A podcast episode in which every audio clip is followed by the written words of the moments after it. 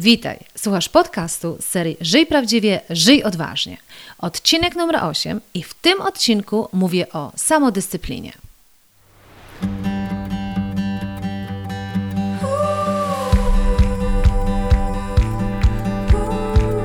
Witaj w serii podcastów Żyj Prawdziwie, Żyj Odważnie. Ja nazywam się Ela Krokosz i od 20 lat zajmuję się tym, co jest moją pasją rozwojem potencjału ludzi. Dzięki pracy z tysiącami osób w wielu krajach wiem, że w nas jest dużo większy potencjał niż nam się wydaje.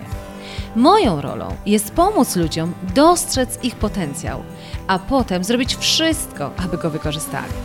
Prowadzę indywidualne coachingi, szkolenia oraz programy online, w których wykorzystujemy strategię skutecznego zarządzania własnym potencjałem. Podcastach Żyj Prawdziwie Odważnie znajdziesz inspiracje, wywiady i konkretne rady, jak skutecznie zarządzać Twoim potencjałem, który często też nazywam talentem. Ten odcinek podcastu nagrywam akurat po szkoleniu, które dopiero co skończyłam z grupą. I mówię grupie, że muszę iść na górę do pokoju, żeby nagrać ten podcast dla Was. I w tym momencie podchodzi do mnie jedna z osób i mówi: To powiedz w tym podcaście, że ja dziś powstrzymałam się od zjedzenia jakiegokolwiek słodycza, bo właśnie pracuję nad tym, żeby zrzucić trochę wagę. I zdecydowanie jest to przykład na samodyscyplinę. Natomiast to, o czym ja chciałabym Wam dzisiaj powiedzieć w tym podcaście, to jest właśnie o tym, w jaki sposób zwiększać tą samodyscyplinę w sobie, w jakim sposób budować to, żeby ta samodyscyplina była dużo bardziej trwała w nas. I w tym kontekście przygotowałam dzisiaj dla Was tak naprawdę cztery rzeczy, o których chciałabym Wam powiedzieć. Trochę powiem o pewnych badaniach właśnie związanych z samodyscypliną, ale myślę, że to będą bardzo ciekawe badania, bo one trochę są podporą tych metod czy tych rad, które dla Was mam. To zacznijmy może od tego, co to tak naprawdę znaczy samodyscyplina. Bardzo prosta definicja, która mi osobiście bardzo pomaga, że samodyscyplina to jest systematyczne działanie w określonym kierunku, niezależnie od warunków zewnętrznych i nastroju. Czyli systematyczne, na przykład odmawianie sobie słodkości, bez względu na to, czy ci się chce, czy nie chce, bo wiesz, że to cię w jakimś kierunku prowadzi. Co ja lubię dodawać też do tej definicji samodyscypliny, to jest najpierw uwielbiam ją rozbierać na dwie części. Po pierwsze, zaczynam od słowa dyscyplina. Dla mnie osobiście, być może dla Ciebie też, słowo dyscyplina jednak kojarzy się dość negatywnie. Bo w tym kontekście negatywnie, że dyscyplina to jest w pewnym sensie zmuszanie kogoś do tego, żeby robił rzeczy, na które być może nie ma ochoty. I zaczynając już od dzieci, tak? Zmuszanie do tego, że mimo, że nie chcą, to jednak muszą odrabiać zadanie. Zmuszanie do tego, że mimo, że chciałby sobie porozmawiać w szkole podczas lekcji, to jednak muszą siedzieć cicho.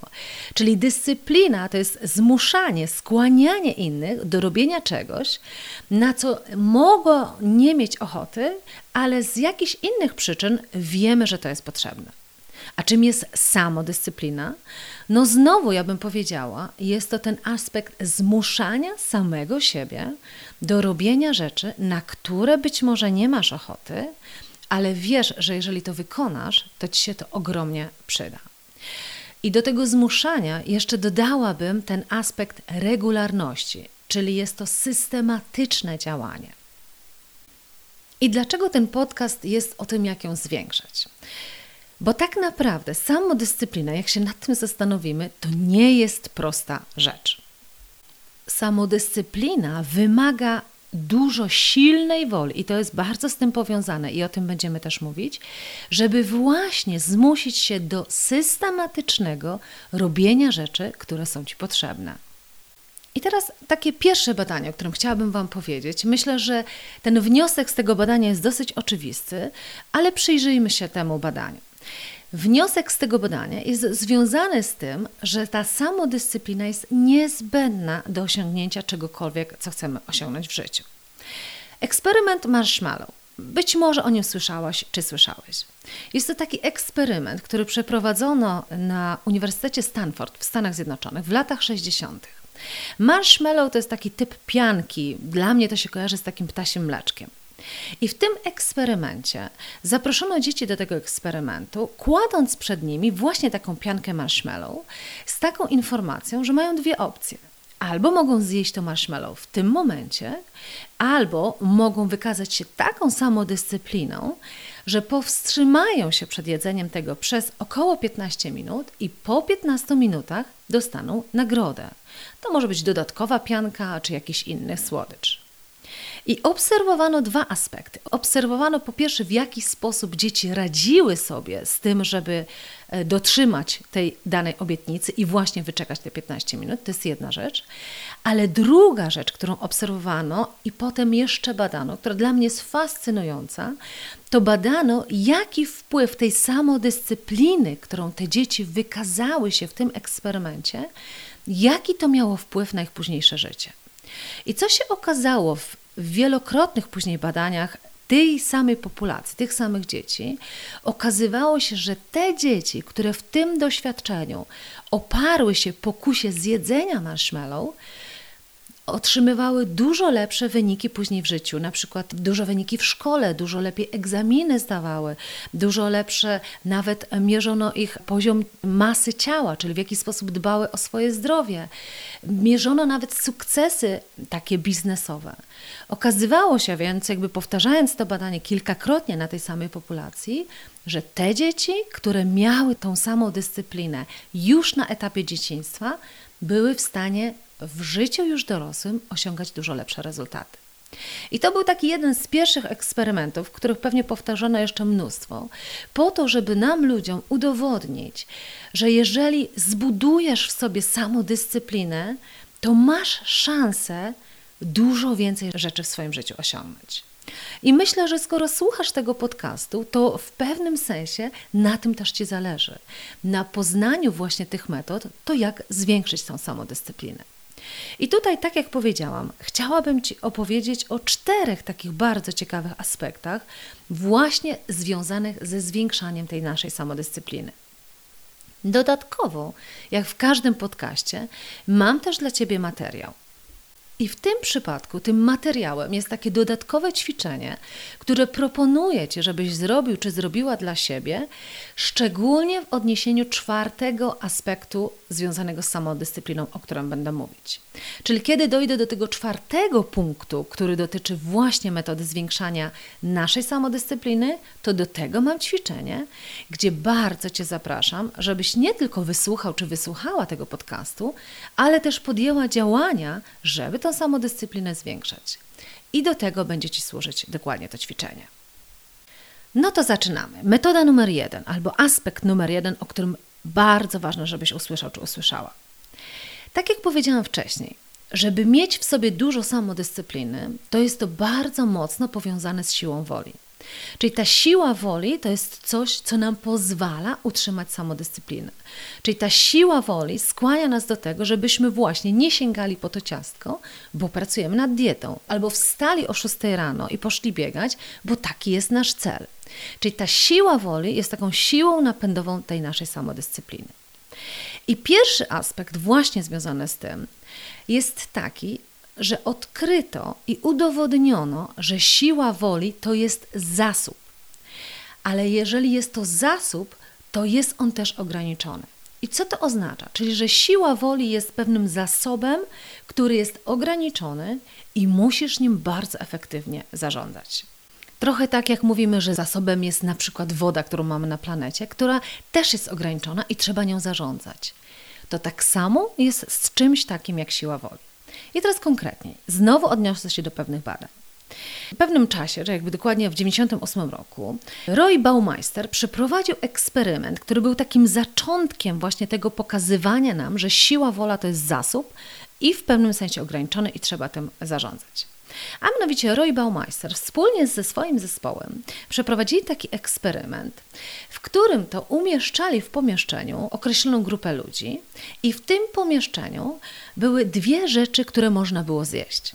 Z jednej strony na jednym talerzu były takie pięknie, świeżo upieczone, pachnące e, ciasteczka, a na drugim talerzu były rzodkiewki, które owszem są zdrowe, no ale patrząc na to z perspektywy tego, na co mielibyśmy prawdopodobnie ochotę, to te ciasteczka były dużo bardziej kuszące.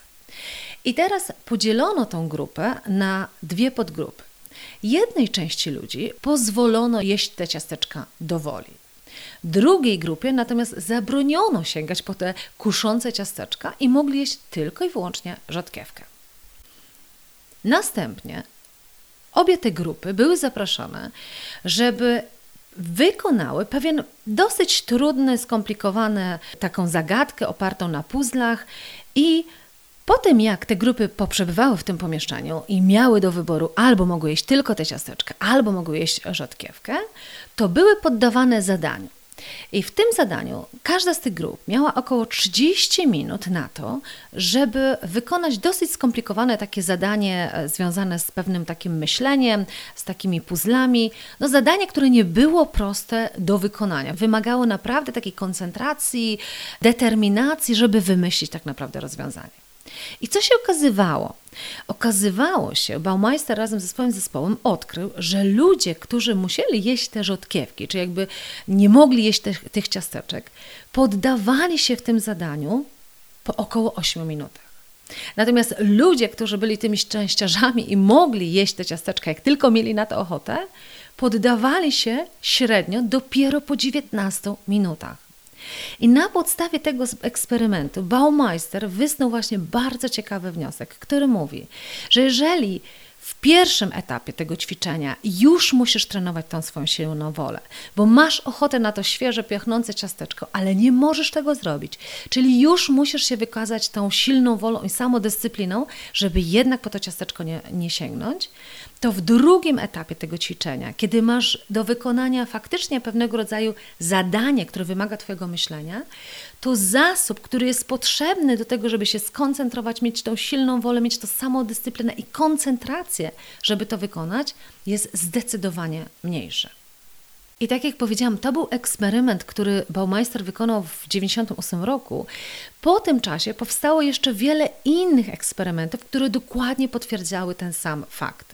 Czyli, że ten, ta siła woli, która jest potrzebna do tego, żeby się ograniczyć, nie robić czegoś, na co mamy ochotę, jest zdecydowanie ograniczona. I co to powoduje, a mianowicie, że jeżeli musisz ją potem zastosować ponownie do czegoś innego, to masz jej już mniej. Co to oznacza dla nas? Czyli jaki wniosek możemy z tego zadania, z tego doświadczenia zabrać do siebie? A mianowicie wniosek numer jeden i taki podstawowy jest taki, że zdecydowanie wybierz jeden priorytetowy obszar na pewien czas Twojej pracy, w którym to będziesz pracował z samodyscypliną. Czyli wybierz jeden obszar, nad którym popracujesz, który jest dla Ciebie bardzo ważny i osiągnięcie tego celu w tym obszarze wymaga od Ciebie bardzo dużo samodyscypliny i tylko i wyłącznie na tym się skoncentruj. Zobacz, jak często popełniamy taki błąd, że stawiamy sobie cele w różnych obszarach, czyli chcemy i właśnie zdrowo się odżywiać, i sportowo, dopóty nie jest to nasz nawyk, jakby wprowadzić te nawyki sportowe, i jednocześnie stawiamy sobie jakieś cele związane z dziećmi, które wymagają naszej samodyscypliny, i tak dalej, i tak dalej. I jest to nieefektywne. W związku z tym dużo skuteczniejszą metodą jest to, że na pewien obszar, na pewien czas wybierasz tylko jeden cel, który wymaga tej samodyscypliny i tylko i wyłącznie nad nim pracujesz. Czyli jeżeli na przykład decydujesz się na to, że chcesz na przykład schudnąć 10 kilo i to od ciebie wymaga samodyscypliny, która jest związana z codziennym wstawaniem rano i chodzeniem na siłownię, czy, czy żeby pobiegać i związane jest to z niejedzeniem, to to wystarczy. Tylko i wyłącznie jeden obszar. Bo jeżeli wyeksploatujesz tą silną wolę, to za moment nie starczy ci jej do jakiegokolwiek innego obszaru. Czyli metoda numer jeden, zdecyduj, czego potrzebujesz w tym momencie najbardziej, jaki cel jest dla ciebie najważniejszy i na niego poświęć tą samodyscyplinę. Dopiero jak ten cel osiągniesz, dopiero zabierz się za kolejny. Druga metoda, drugi aspekt bardzo ważny, właśnie też związany ze zwiększaniem naszej samodyscypliny, to jest to, czym tak naprawdę jest ta samodyscyplina i ta siła woli z tym powiązana. Przez długi czas myślano, że siła woli i samodyscyplina to jest pewnego rodzaju umiejętność. I że to oznacza, że jak już to w sobie zbudujesz, to to masz. Tak jest z umiejętnością, tak? Czy jeżeli na przykład nauczysz się pięknie śpiewać, to po prostu pięknie już śpiewasz, że nie tracisz tej umiejętności. Natomiast z czasem doszli ludzie do innego wniosku. Czyli ci, którzy jakby badali, jak to się dzieje, że ci ludzie mają w sobie tyle determinacji, tyle samodyscypliny, że pewne rzeczy osiągają, a tym tego brakuje. I znaleziono piękne porównanie, a mianowicie powiedziano, że samodyscyplina i siła woli jest trochę jak mięsień. Co to oznacza? Pomyśl sobie, jak się buduje mięśnie i w jaki sposób utrzymuje się je w formie aspekt fizycznego budowania mięśni jest dla nas dosyć zrozumiały. Czyli jeżeli budujesz mięśnie, to dwie rzeczy musisz wziąć pod uwagę.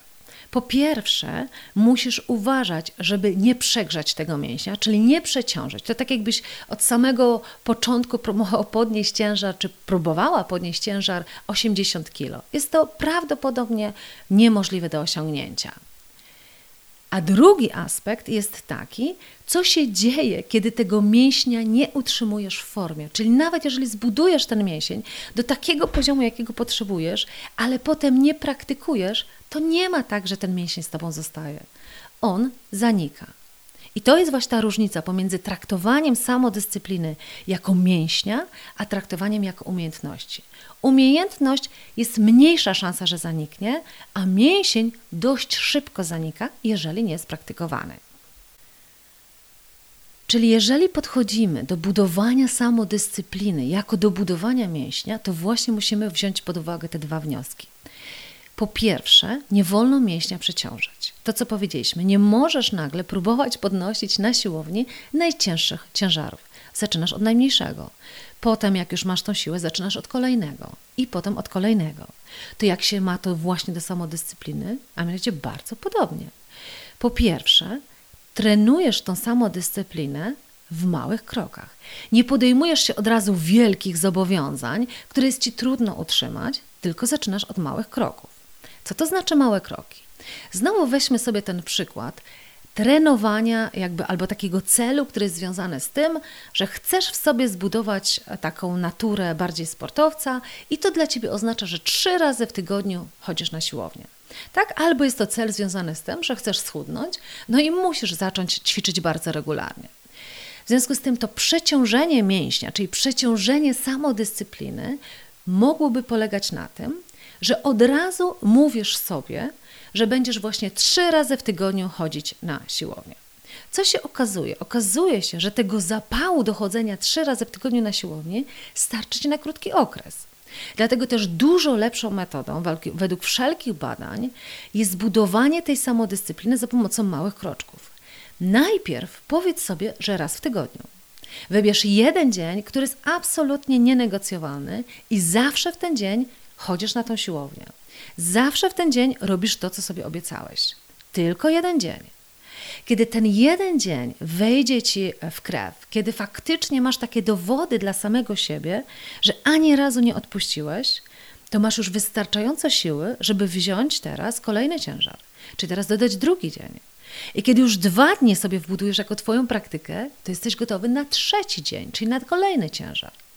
I to jest bardzo istotne, właśnie, żeby tą samodyscyplinę rozłożyć na małe kawałki, zamiast próbować od razu, właśnie jak to po tych postanowieniach noworocznych, ten efekt hura, od teraz już się zapisuję i prawie codziennie jestem na tej siłowni. Bo nie jest trudno pójść na siłownię trzy razy w tygodniu przez pierwszy miesiąc. Trudno jest utrzymać to jako Twój nawyk w dłuższej perspektywie. Dlatego też dużo lepszą metodą jest nieobciążanie Twojego mięśnia silnej woli i właśnie bardziej krok po kroku. I drugi bardzo ciekawy wniosek, który wychodzi z tego, jak popatrzysz, że ta silna wola i samodyscyplina to jest mięsień, to jest taki, że zobacz, kiedy chcesz zbudować bicepsy, to nie ma kompletnie różnicy, co jest tym ciężarem, który podnosisz. Czy to są faktyczne ciężarki na siłowni, czy to są worki z piaskiem, czy to jest, e, znaczy nie z piaskiem, a może worki z piaskiem, czy to jest na przykład woda, tak, butelki wody. Nie ma to kompletnie znaczenia. I teraz tak samo jest z samodyscypliną i z silną wolą. nie ma kompletnie znaczenia, na czym uczysz się i budujesz tą samodyscyplinę w sobie. W związku z tym taką podpowiedzią jest to, że być może lepiej będzie, żebyś wybrał czy wybrała taki obszar do rozpoczęcia ćwiczenia samodyscypliny, w którym wiesz, że jest ci dużo prościej to osiągnąć. Czyli na przykład wiesz, że to odmawianie sobie tych ciasteczek jest dosyć trudne, przynajmniej na tym etapie, ale motywowanie się do tego, żeby codziennie rano wstać o 6 jest dla ciebie dużo prostsze. To zacznij od tego. Zacznij od codziennego wstawania o 6 rano. I kiedy udowodnisz sobie, że jesteś w stanie to zrobić, to się okazuje, że teraz możesz to rozłożyć na inne obszary. I to jest taki trochę dowód rzeczywistości dla ciebie samego. Skoro byłam czy byłem w stanie wstawać codziennie o 6 rano, to tak samo za moment mogę się taką samą samodyscypliną wykazać na przykład w obszarze niejedzenia słodkiego. Czyli podsumowując, zacznij od obszaru, w którym jest Ci łatwiej rozpocząć tą samodyscyplinę, i jak już zaczniesz budować ten mięsień, to wtedy możesz przenieść tą siłę na inne obszary i tam dalej praktykować samodyscyplinę. Trzecia metoda zwiększenia takiego efektywnego Twojej samodyscypliny, to jest metoda, która mówi: koncentruj się na procesie, a nie na efekcie końcowym. I teraz to jest pewnego rodzaju paradoks, dlatego że z jednej strony po to tworzysz sobie pewnego rodzaju wizję końca tego swojego celu, żeby ten cel był taką motywacją dla siebie, tak? Czyli na przykład ten znowu, ponieważ ciągle mówimy o tych przykładach ze schudnięciem, z formą fizyczną, to pozwólcie, że znowu e, to wykorzystam. Czyli budujesz sobie pewnego rodzaju taki obraz siebie, jak będziesz wyglądać, jak już faktycznie zrzucisz te 10 kilo. I ten obraz, jakby często ta metoda wizualizacji do tego służy, to jest taki twój punkt napędowy, taki punkt bardzo motywujący, który kiedy już nie chcesz się iść na tą siłownię, to przypominasz sobie, do czego ci to prowadzi i ma to pełnić taki bardzo duży aspekt motywacyjny. Tak. Natomiast w metodzie ćwiczenia samodyscypliny ja powiem rzecz odwrotną. A mianowicie dużo większe efekty przynosi koncentrowanie się na procesie dochodzenia niż na celu, który chcesz osiągnąć. Dlaczego? Dlatego, że bardzo często ten cel, który sobie stawiasz, jest na tyle odległy i to, gdzie ty jesteś na dzień dzisiejszy, powoduje to tak naprawdę spadek Twojej motywacji. Nie widzisz efektów, tak? Czyli na przykład nie jesz tych słodyczy już od dwóch tygodni, a ma się to nijak do tych 10 kilo, które chcesz zrzucić. W związku z tym dużo efektywniejsze, jeśli chodzi o samodyscyplinę, jest monitorowanie postępów. Monitorowanie postępów. Co więcej, właśnie monitorowanie postępów i widzenie progresu w tym kontekście, jakby, że zobowiązałem czy zobowiązałam się do tych działań i je wykonałam, będzie dużo większą siłą napędową dla ciebie niż myślenie o tej wizji końca.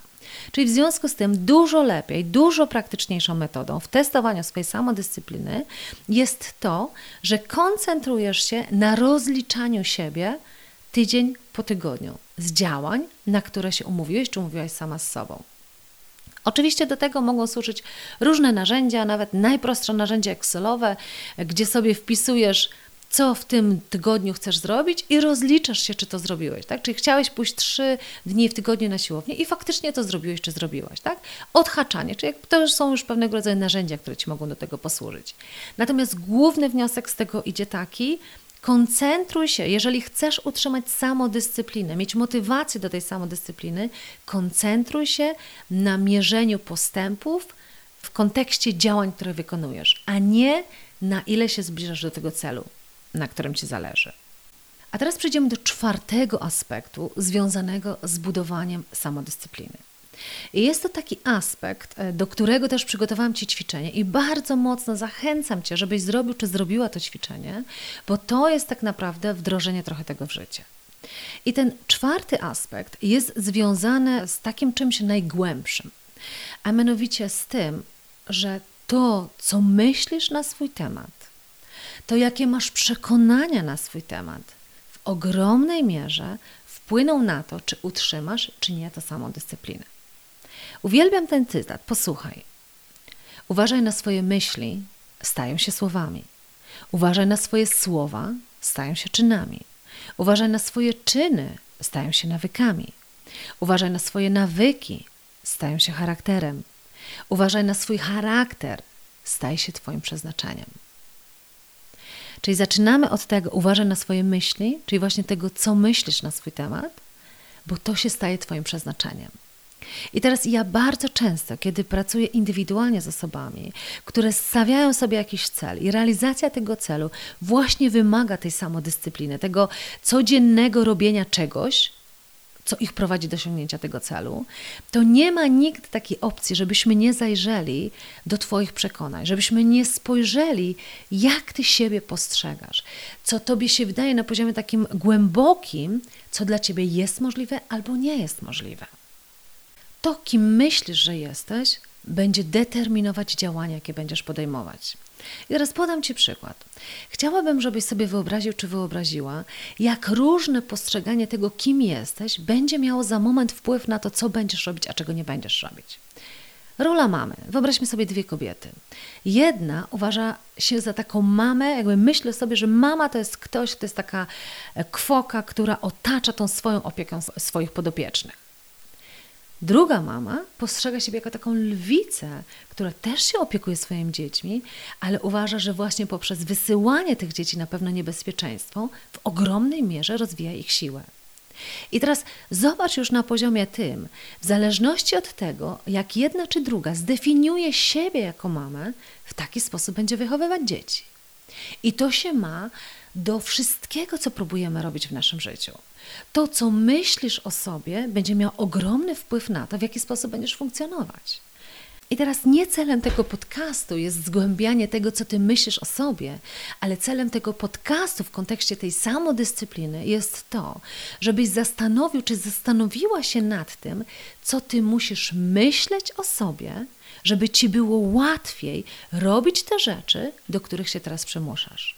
Czyli na przykład, zobacz, jeżeli właśnie wracajmy do tego sportu, Twoim celem jest to, żebyś był wysportowany czy wysportowana, zrzucił te 10 kilo czy ileś, i do tego potrzebne są Ci działania z tej samodyscypliny. Trzy razy w tygodniu idziesz rano pobiegać.